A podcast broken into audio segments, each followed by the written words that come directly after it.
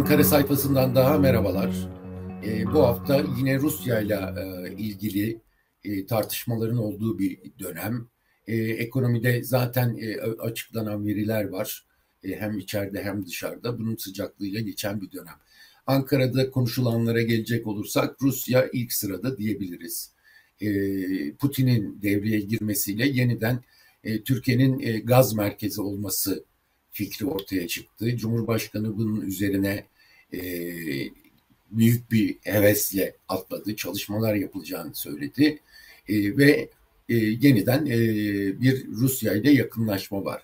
Yine Rusya ile yakınlaşmanın bir başka ürünü rezervlerle ilgili. Rezervlerde 4 Ekim'e kadar süren erime e, bir durmuş gözüküyor. E, son haftada e, bazı gelişmeler var. Onları aktarmaya çalışacağım.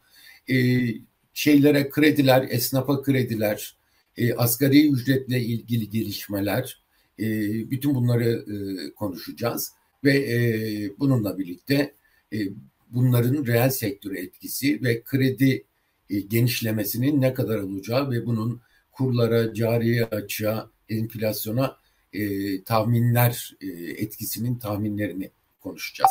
Evet, e, bakacak olursak e, önce e, gaz merkezi olması e, Türkiye'nin buradan başlayalım. E, birdenbire ortaya çıkan bir fikir olarak Putin'den geldi. Sonra Cumhurbaşkanı ile görüşmelerinde gündeme geldi ve Cumhurbaşkanı e, büyük bir şeyle bunu kabul ettiklerini söyledi, çalışacaklarını söyledi ve önümüzdeki dönemde belli ki bu gündem olmaya devam edecek. Peki Rusya niye bunu istedi? Rusları da iyi tanıyan enerji uzmanlarına sorduğum zaman e, söyledikleri şey şu. Aslında e, Türkiye'nin merkez olmasıyla ilgisi yok Putin'in. E, bir zarf atıyor. E, bu zarfın asıl amacı da Avrupa'ya dönük. E, burada mavi akım ve Türk akımının e, kapasitesini genişletip e, Avrupa'ya gaz satmak istiyor. Özellikle de kendine yakın duran Avrupa ülkelerine gaz satmak istiyor diyorlar. E, Ali Arif Aktürk'le enerji uzmanıyla e, yine e, uzun bir görüşme yaptık. Onun da söylediği Putin'in e, elimize bir e, bomba koyduğu, e, bununla ilgili e, Türkiye'nin zor durumda kalacağını söylüyor. E, söylenenlere bakacak olursak her şeyden önce ya LNG e, terminali yapmamız lazım, e, burada bir merkez olabilmemiz için ya da bir ayak olarak LNG terminali. E, bunlar çok yüksek maliyetli ve kısa sürede olabilecek şeyler değil. İkincisi boru hattı.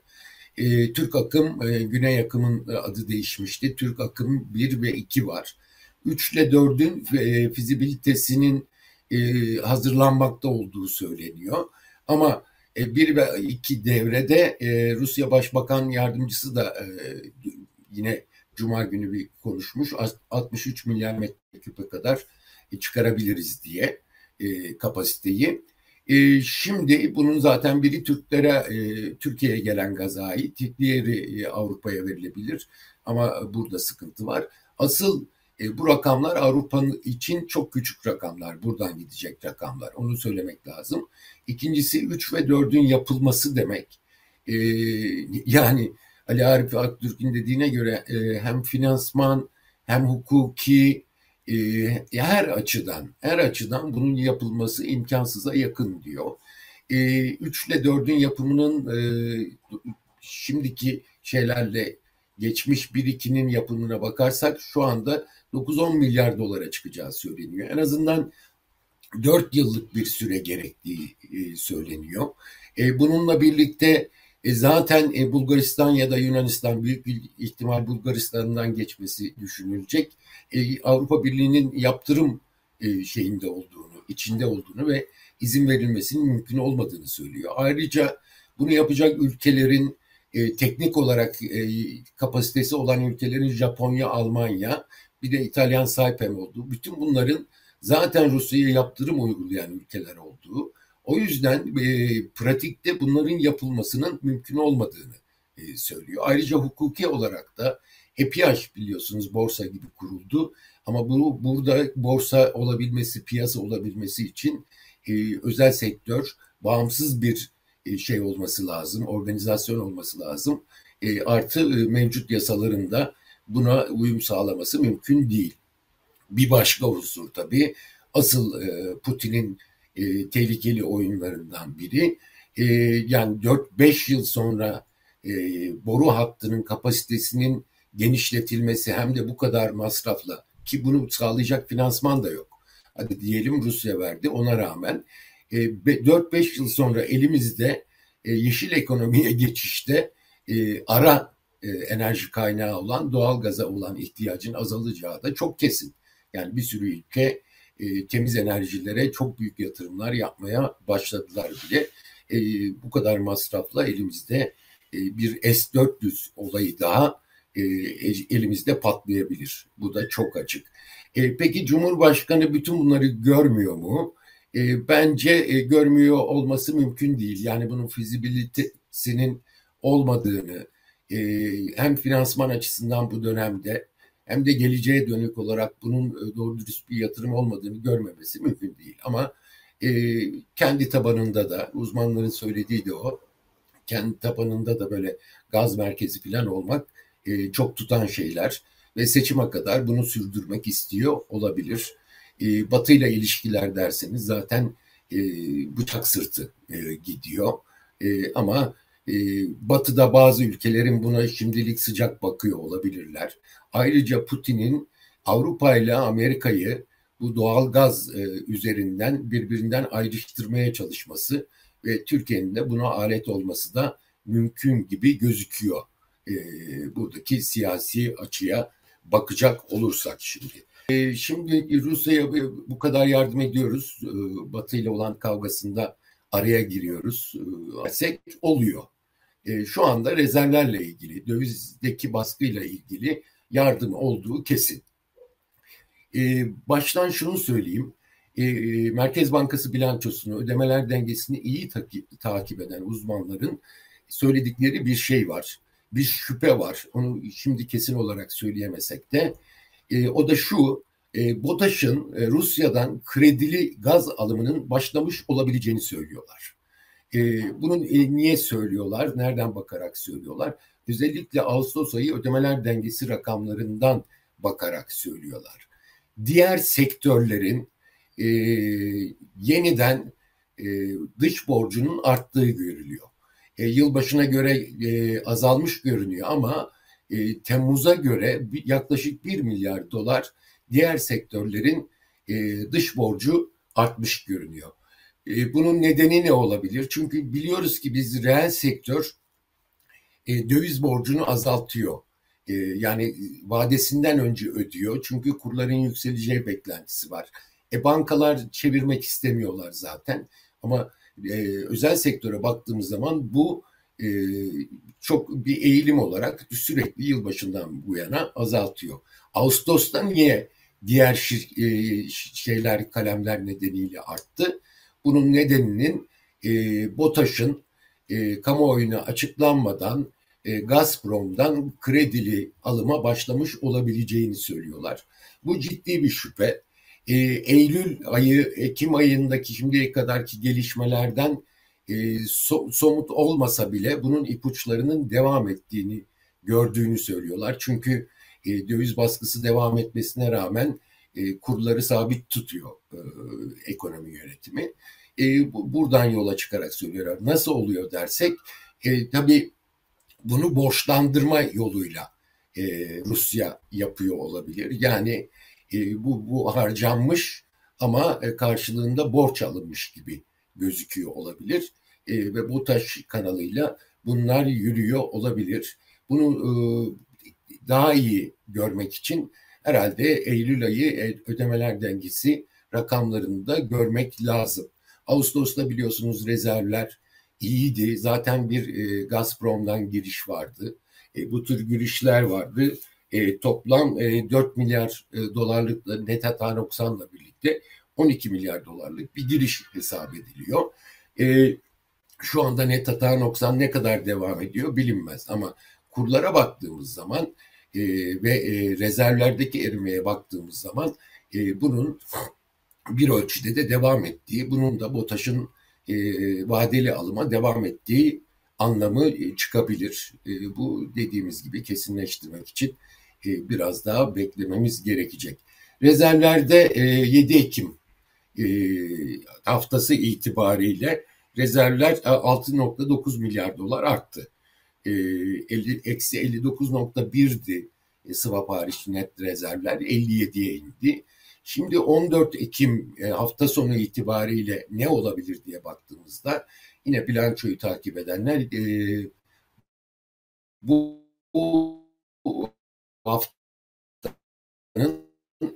ilk üç gününde e, yine rezervden satışlar günlük 500 milyon dolar civarında olduğunu, e, rezervlerde bir e, erime olabileceğini ama hukuk ihracı, hazinenin sukuk ihracının perşembe günü e, sisteme girdiğini söylüyorlar. Eksi 57 milyar dolarlık swap hariç e, net rezervin belki aynı kalacağını, belki bir miktar daha aşağı gelebileceğini yani e, daha iyi olabileceğini e, söylüyorlar. E, 14 Ekim haftası itibariyle. E, bütün bunlar önemli. E, ödemeler dengesi rakamlarında da daha sonra görülmeye devam edecek. E, rezervler Rusya yardım ediyor. Bu yolla yürüyor. Ama bundan sonrası ne olacak? Hükümetin alacağı kararlara bir de bağlantılara belli olacak. Katar'dan, Suudi Arabistan'dan yeni isteniyor, yeni e, bunlara satışlar yapılması isteniyor duyduğuma göre Katar'la yapılan e, görüşmelerde e, eskiden aldıkları şeyin yasal güvencelerinin de pekiştirilmesi istenmiş. E, ama yeni satış yapılacak mı? Orası belli değil açıkçası.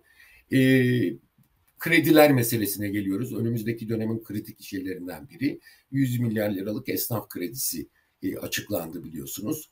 Bunu bir gelirler politikası olarak görmek gerekiyor tersine bir servet transferinin başlangıcı olarak görmek gerekiyor. Şimdiye kadar e, son 2-3 yıldır e, çok ciddi biçimde hükümet e, çalışanlardan, esnaflardan üst kesimlere gelir transferi yaptı. Bu çok açık rakamlarda da gözüküyor.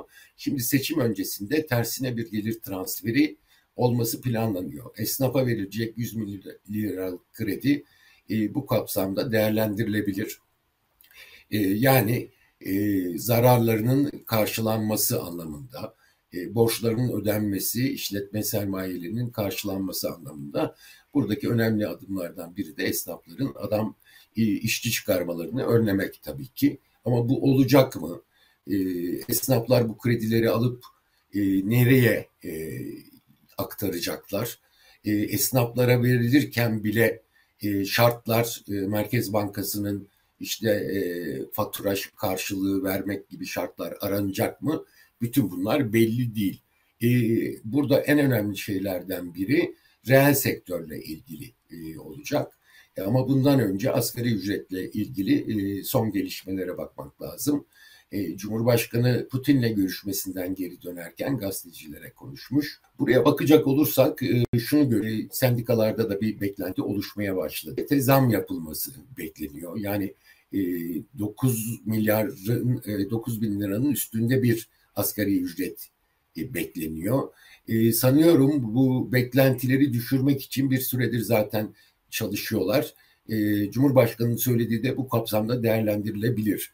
Başka tatlandırıcılar koyup bu asgari ücreti daha düşük tutma eğilimine girebilir. Halbuki en az yüzde yetmiş zam yapılması gerekiyor ki geçmiş zararları asgari ücretlinin, çalışanın karşılanabilsin.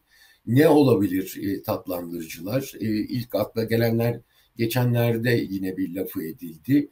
E, en düşük emekli maaşının askeri asgari ücretin altında olamayacağı gibi bir madde anladığımız kadarıyla bu konuşuluyor. Maliyeti ne olacak e, onu bilmiyoruz şimdi eğer böyle bir şey gelirse. Artı olarak daha kalıcı bir şey dediği zaman acaba bu enflasyon ortamında yıl başında bir zam verip ondan sonra 3 ayda ya da ayda bir yeni zamlar mı e, düşünülecek çalışanlar için, asgari ücret için onu bilemiyoruz. Ama buradaki e, önemli noktalardan biri hem asgari ücretli emekliler için bu söz konusu hem de bu sefer reel sektör için de söz konusu. Çünkü e, şimdiye kadar ne oldu? Büyük işletmelere gelir transferi oldu. E, ihracatçılara gelir transferi yapıldı ve bankalara çok yüklü miktarda gelir transferi yapıldı. Şimdi e, tersine bir servet transferi olduğu zaman, gelir transferi olduğu zaman e, büyük şirketler ve bankaların e, bir kayba uğraması söz konusu olabilir. E, Kasım'da e, iç borç programını göreceğiz e, hazinenin. Bununla birlikte aslında belli olabilir. E, bankaları biliyorsunuz düşük faizli, sabit faizli e, tahvil almaya zorluyor e, BDDK ve Merkez Bankası. Bu devam edebilir, gelir. E, ikincisi reel, büyük özel sektör. Reel e, e, şu an bunlara bir yük getirecek. Kıdem tazminatı nedeniyle bir yük getirecek. Ne kadar yükseleceğine bağlı olarak e, yükleri arttıracak.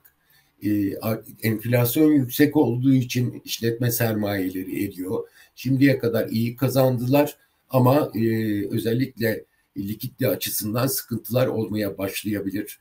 İşte burada kredi genişlemesinin boyutunun ne olacağı konusuna geleceğiz. Yani 100 milyar e, esnaflara verilen krediyle e, yetinilecek mi yoksa çok daha büyük ölçekte krediler mi devreye girecek? E, o orası e, önemli. Çünkü dediğimiz gibi döviz baskısı devam ediyor. Cari açık büyümeye devam ediliyor. Şu anda net hata noksanla ya da ertelenen doğalgaz ödemeleriyle bu karşılanıyor olabilir. Ama Kasım Aralık'la birlikte bu iyice artacak ise e, burada iç talepteki büyüme, cari açıktaki büyüme, kur üzerindeki baskı daha dengeli olabilir. Yani Mayıs'taki seçimlere kadar daha stabil bir ortam sağlanabilir. Ama kredi genişlemesi mecburen hükümet seçim öncesinde bunlara mecbur kalırsa bunun e, hem cari açığı büyütmesi kaçınılmaz e, hem e, kur üzerindeki baskıyı daha da arttırması kaçınılmaz. Böyle bir gırdaba girilme ihtimali var. Onun için hükümetin tercihleri, seçim öncesi anketlere bağlı gelişmeler, seçim ekonomisinin boyut, boyutları bu açıdan önemli olacak e, bu daha tehlikeli seçim öncesinde bir hal alabilir. Kasım Aralık gibi e, bütün bunlar biraz daha netleşebilir diye bakıyoruz. E, özetle bakacak olursak kur baskısı devam ediyor. Rusya ile e, tehlikeli bir oyun oynanıyor ve bununla şimdilik dengelenmeye çalışılıyor. Ama her geçen gün yeni e, döviz kaynağı arandığı geçici olarak e, döviz kaynakları arandığı çünkü kalıcı sermaye gelmediği görülüyor. E, Batı'nın takip ettiğini yaptırımlar açısından Rusya ile ilişkilerimizi biliyoruz. Ama e, Batı'nın bazı ülkelerin özellikle e, işine geldiği için bu dönemde e, bunlara biraz göz yumduğunu tahmin ediyoruz. Ama ne zaman dur diyecek Batı, ne zaman bir tavır koyacak e, orası da belli değil. Ya da tavır koyacak mı, koymayacak mı? Orası belli değil. Bununla birlikte e, hükümetin döviz e, şeyi arayışı devam edecek gibi Mayıs'taki seçime kadar sürekli devam edecek gibi. Ne, bu sürekli olabilir mi? İdare edilebilir mi? Bütün bunlar e, daha sonra belli olacak e, diyoruz. Son bir şey söylemeden geçemeyeceğim. E, biliyorsunuz IMF Dünya Bankası toplantıları önemlidir ekonomi yönetimleri açısından Bakan Nebati Washington'daydı. Ama e, biz e, Merkez Bankası Başkanı'nın da gitmesine alışığız bu toplantılara. Bir gün Merkez Bankası Başkanı Şahap Kavcıoğlu'nu Ankara Ticaret Odası'nı ziyaret ettiğini haberlerini okuduk ve e, görevi enflasyonla mücadele olan Merkez Bankası Başkanı Şahap Kavcıoğlu burada mevduat faizlerini ne güzel düşürdüklerini, kredi faizlerini ne güzel düşürdüklerini, e, resesyonun konuşulmadığı tek ülkenin e, Türkiye olduğunu söylemiş. E, ve bu, bu kişinin görevi e, enflasyonla mücadele etmek. Enflasyon da TÜİK rakamlarına göre bile yüzde 85. Şimdi durum idare edilse bile zorla faiz indirimleriyle